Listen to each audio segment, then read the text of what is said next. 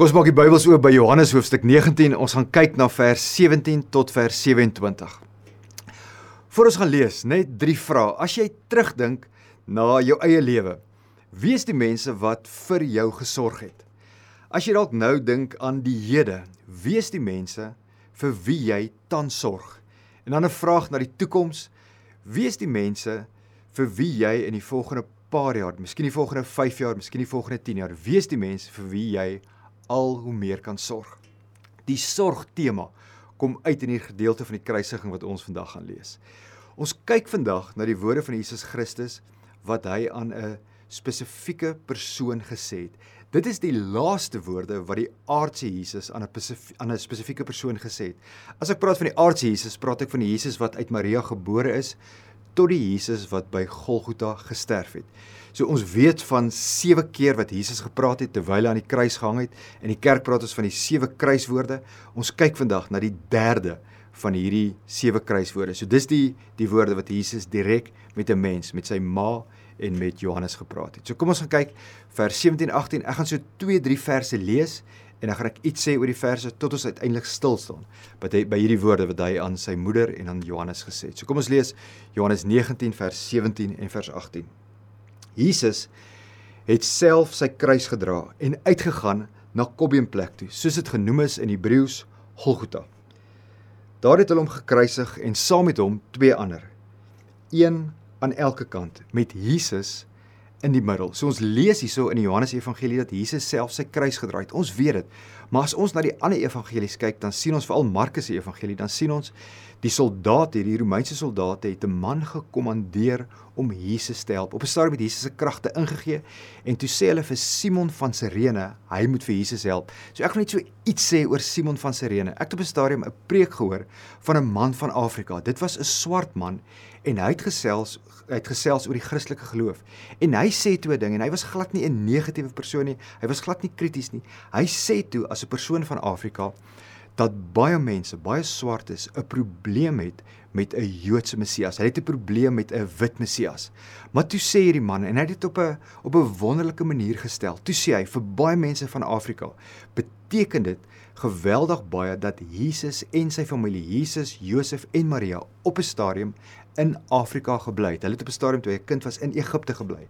En hierdie Simon van Sirene, Sirene was 'n dorp in die noorde van Afrika, was 'n man van Afrika.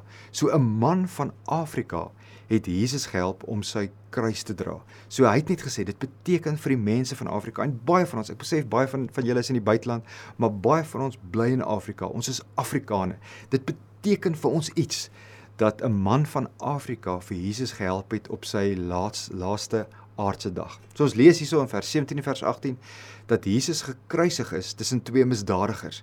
En dit is interessant as ons net so 'n bietjie gaan nadink hieroor. Die Jode, veral die Joodse leiers, die ouens wat deel was van die Sanhedrin, het Jesus gesien as 'n sondaar. So as hulle 'n plakker op Jesus kon plak, as hulle 'n label op Jesus kon sit, dan sou hulle in hoofletters daar geskryf het sondaar. So hulle het Jesus as 'n sondaar gesien wat tussen sondaars hoort. So toe Jesus gekruisig is tussen hierdie twee misdadigers, tussen hierdie twee sondaars, sou hulle vir mekaar gesê het, dit is reg, dit is wat hom toekom, dit is wat hy verdien. Hy is 'n sondaar wat tussen sondaars hoort. Nou kom ons gaan kyk na die volgende vers, vers 19 20 21 22. Kom ons gaan kyk wat het Pontius Pilatus, hierdie Romeinse prefek, hierdie Romeinse goewerneur gedoen. Pilatus het ook 'n opskrif geskrywe en dit aan die kruis gesit. Daar het geskrywe gestaan: Jesus van Nasaret, die koning van die Jode. Baie van die Jode het hierdie opskrif gelees omdat die plek waar Jesus gekruisig is naby die stad was. Hulle het die mense in die publiek tereggestel sodat dit deels ook kon dien as 'n afskrikmiddel. Die opskrif was in Hebreëus, in Latyn en Grieks. Die priesterhoofde van die Jode het toe vir Pilatus gesê: Moenie skrywe die koning van die Jode nie, maar skrywe Hy het gesê ek is die koning van die Jode. Pilatus het vir hulle gesê wat ek geskrywe het, het ek geskrywe. Pontius Pilatus was natuurlik die die magtigste man in Jerusalem. Hy was die magtigste man daar in Judea. Hy het geweet dat Jesus onskuldig is. As ons die verskillende evangelies lees, dan kom ons baie gou agter. Hy hy was seker dat Jesus niks gedoen het wat die dood verdien nie. Maar die Jode, die Jode waaroor hy moes heers, was vir hom 'n konstante bron van irritasie. En in hierdie opskrif is dit amper asof hy vir die Jode wil sê, kyk, kyk wat maak ons met 'n Joodse koning. Kyk wat kan die Pax Romana, kyk wat kan die Romeinse ryk doen met julle Joodse koning. Nou die interessante is en ons lees dit hierso. Hierdie opskrif is geskryf in drie tale. Hebreëus, dit was natuurlik die taal van die Jode. Dit is geskryf in Latyn, dis die taal wat gepraat is daar in Rome, dit was die taal van die heersers. En dis in Grieks geskryf. Grieks was in die eerste eeu die wêreldtaal. Alexander die Grote, hierdie dapper, fascinerende man, hy het so 300 jaar voor Christus het hy die dit die wêreld vir Grieks. So as ons dink aan dit wat hier gebeur, kan ons vir 'n oomblik as kinders van die Here, kan ons vir 'n oomblik net kyk wat is die simboliese betekenis dat hierdie bordjie wat aan die kruis gehang het, wat is die simboliese betekenis daarvan vir ons? Jesus van Nasaret is natuurlik nie net die koning van die Jode nie. Hy's die koning van die wêreld. Hy's nie net die lam van God wat die sonde van Israel wegvat nie. Hy is die lam van God wat die sonde van die wêreld wegvat. En daarom is dit sommer net baie sterk simboliek om te sê hierdie boodskap dat Jesus die koning is. Hierdie boodskap word aan die wêreld uitgebasyn in Hebreëus, in Latyn, in Grieks. Dit dit sê vir die wêreld, dit sê vandag vir ons iets van die universele aard van Jesus se kruisiging. Dit wat daar gebeur het, is die middelpunt van die geskiedenis. Dis die middelpunt van die skepping, dis die middelpunt van die mensdom. Dan sê Pontius Pilatus op 'n stadium nadat die Jode so 'n bietjie by hom kom klaar het. Hy sê vir hulle man, wat wat ek geskryf het, het ek geskrywe. Ek dink en dit is maar net 'n aanname van my kant af. Ek dink Pontius Pilatus het lekker gekry toe hy hierdie woorde laat skryf het. Hy hy het 'n stuk finaliteit in sy woorde opgeskryf. Kinders, jong mense, die van julle wat op skool besig is met tenses, veral in die Engelse klas, in die Griekse taal is daar omtrent 8 tense. Die die tens wat hier gebruik word is die perfect tense. Dis 'n tens wat jy gebruik om te sê iets is klaar, iets is afgehandel. So Pontius Pilatus wil met hierdie skrywe, wil met hierdie bordjie, met hierdie opskrif sê, hierdie is nou afgehandel en dit is klaar. Ek wil nie, ek wil nie meer aandag aan hierdie aan hierdie saak gee wat julle voor my voor my tafel kom neersit het. Dan lees ons in vers 23 en vers 24 die volgende. Toe die soldate Jesus dan gekruisig het, het hulle sy boklere gevat en dit in 4 dele verdeel, vir elke soldaat 'n deel. Hulle het ook sy en nou is dit belangrik, hulle het ook sy onderkleed verdeel. Dit was sonder naad van bo af in een stuk gewewe. Hulle hierdie vier soldate sê te vir mekaar: "Ons moet dit nie skeer nie. Kom ons lood wie dit moet kry." Dit het gebeur sodat die skrif vervul kan word waar dit sê: Hy het my klere onder mekaar verdeel en vir my kleed het hulle geloot. Dit is wat die soldate gedoen het.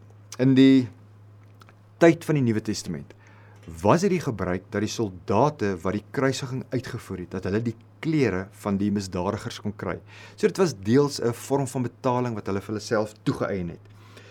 Hierdie tipe onderkleed waarvan ons hier in Johannes lees was uiters waardevol. Interessant. Die Joodse geskiedskrywer. Sy naam is Josefus. Hy het daar aan die einde van die eerste eeu gelees. Hy sê vir ons die onderkleed, hierdie tipe onderkleed is ook deur die hoëpriester gedra.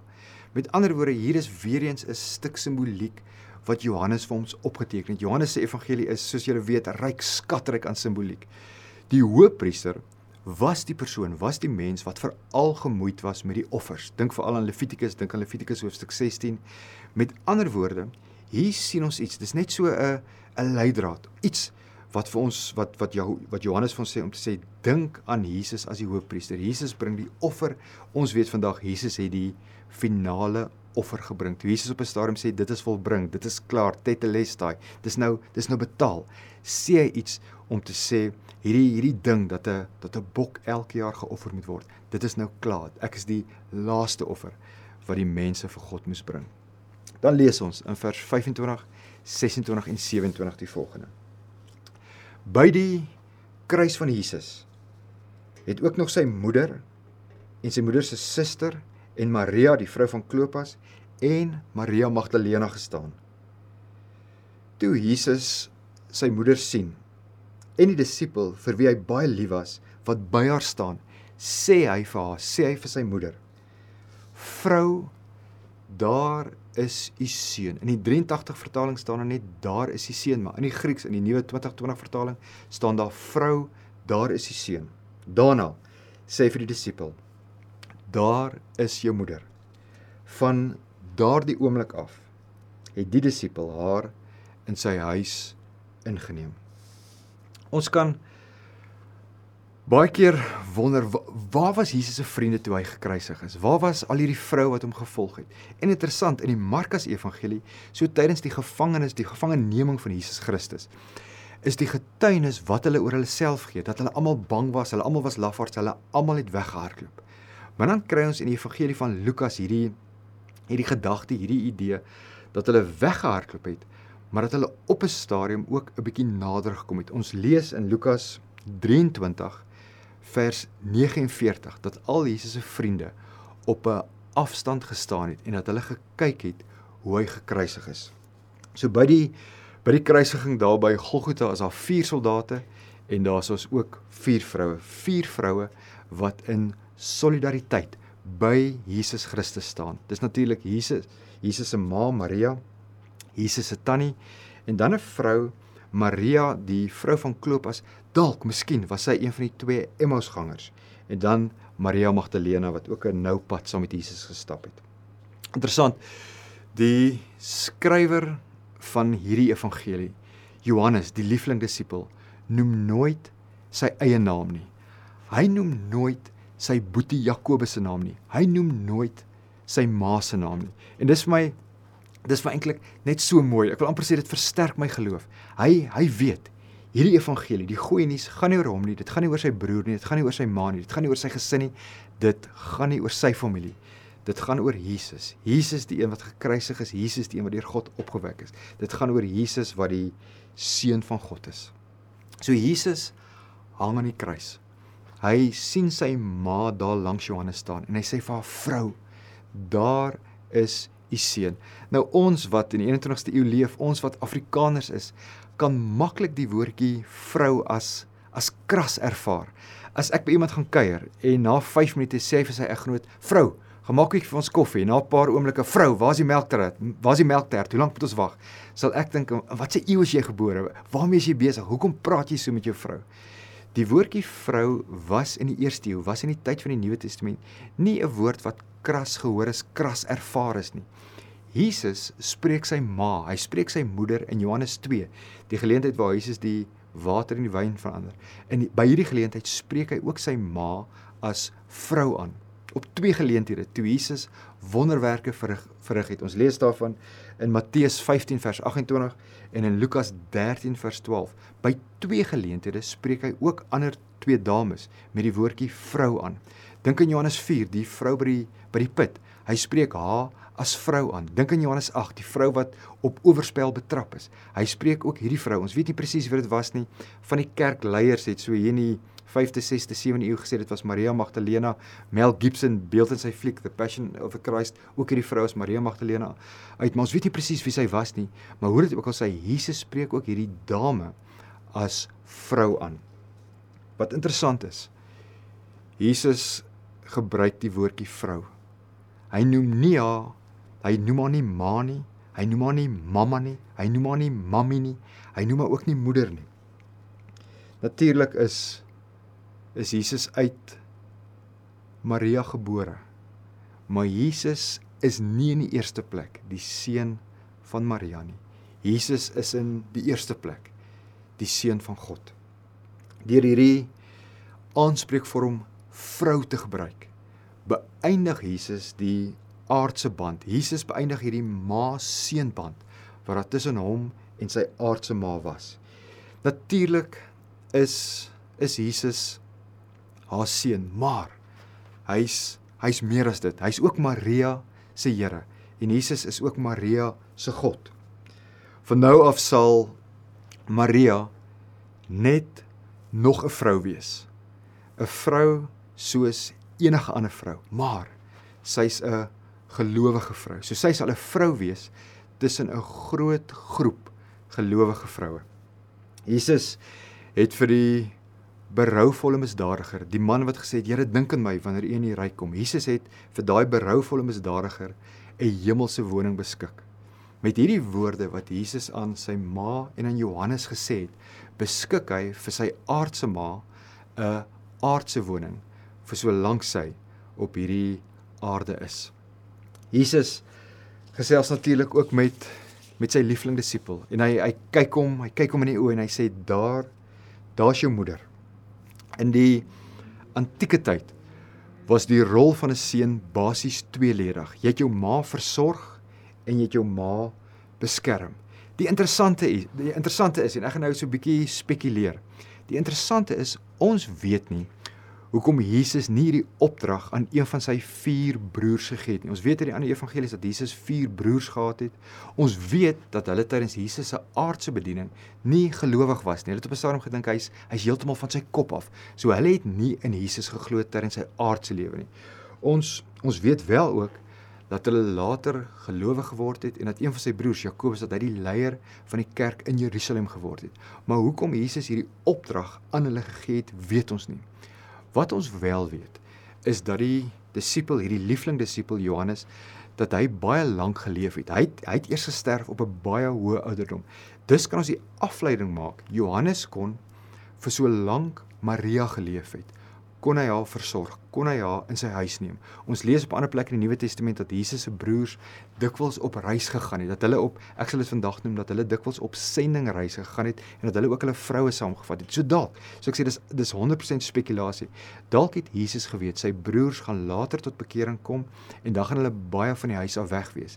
Maar tog tog kies hy. Hy kies om sy sy neef, hy kies om vir Johannes aan te stel as die nuwe seun vir sy ma. Daar's 'n 'n stuk empatie wat hierso loskom. Johannes en Maria kon kon mekaar vertroos. Hulle kon mekaar ondersteun, hulle kon mekaar help. Hulle hulle verstaan iets van die ander persoon se leed. Hulle verstaan iets van die ander persoon se smart. Daar iets in Maria se hart gebeur. Toe sy toe sy 'n jong ma was, toe Jesus maar 'n paar dae oud was, was hulle daar by die tempel en toe kom daar 'n profeet na haar en Josef toe.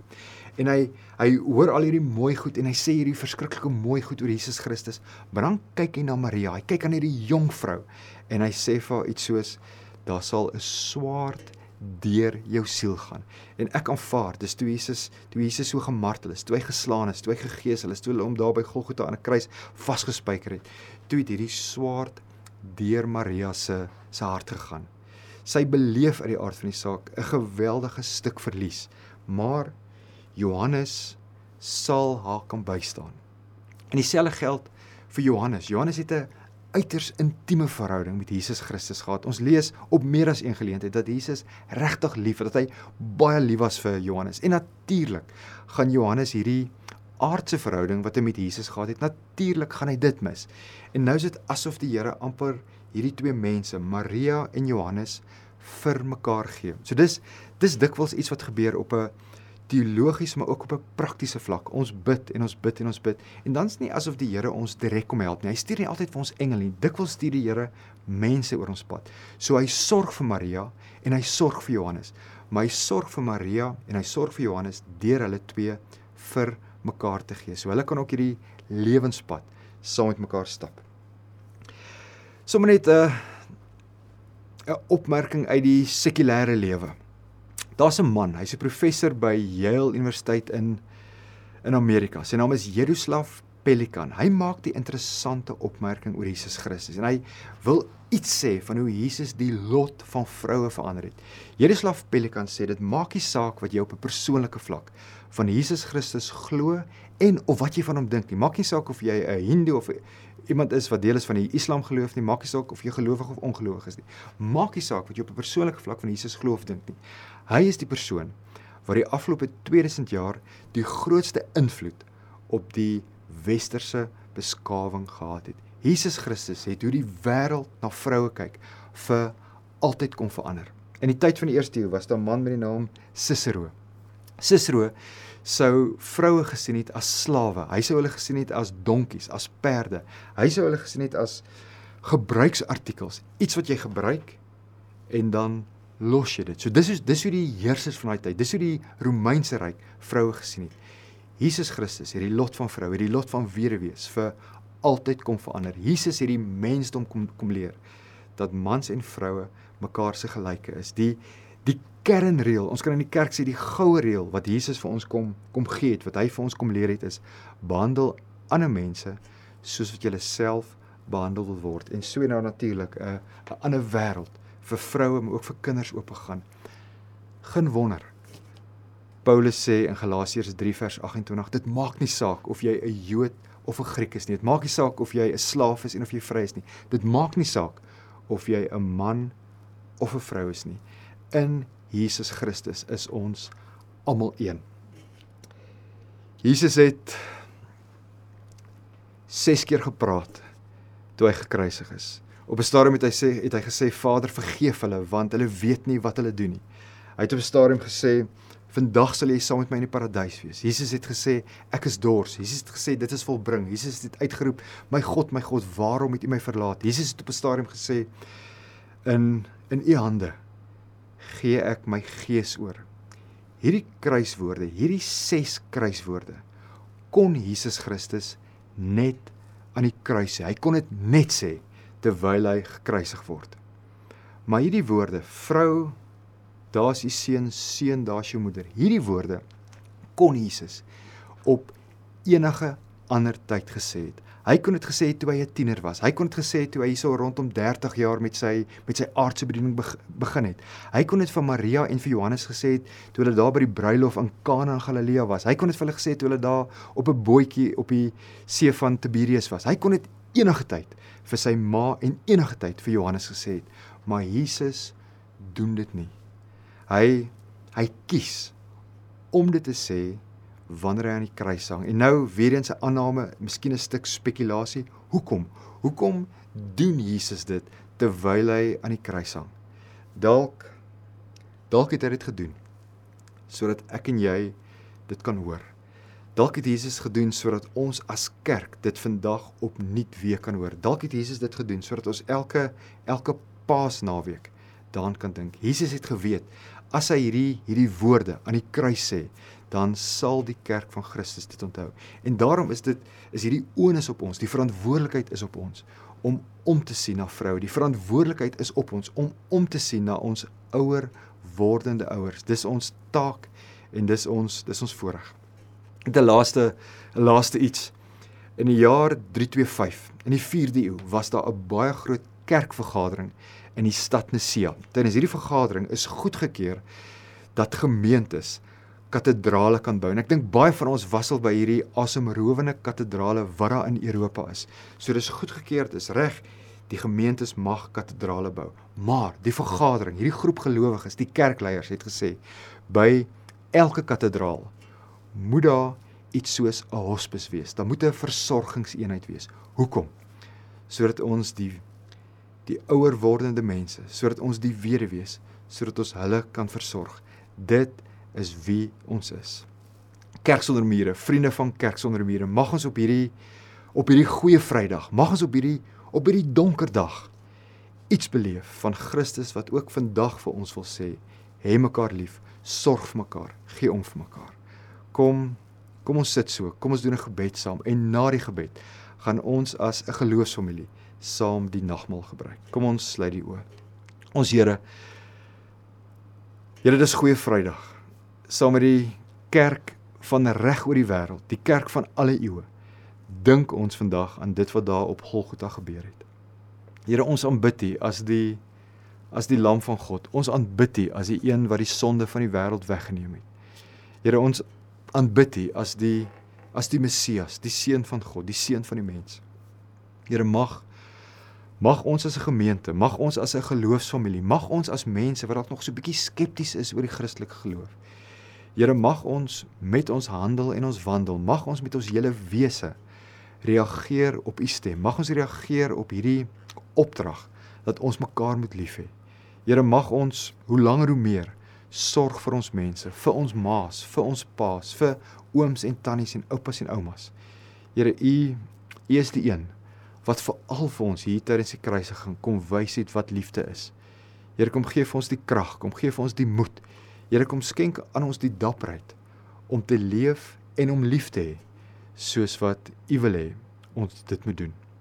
Here, waar ons nou die die nagmaal, die heilige nagmaal gaan gebruik. Here, kom, kom doen wat net U kan doen en kom versterk asseblief ons geloof. Amen.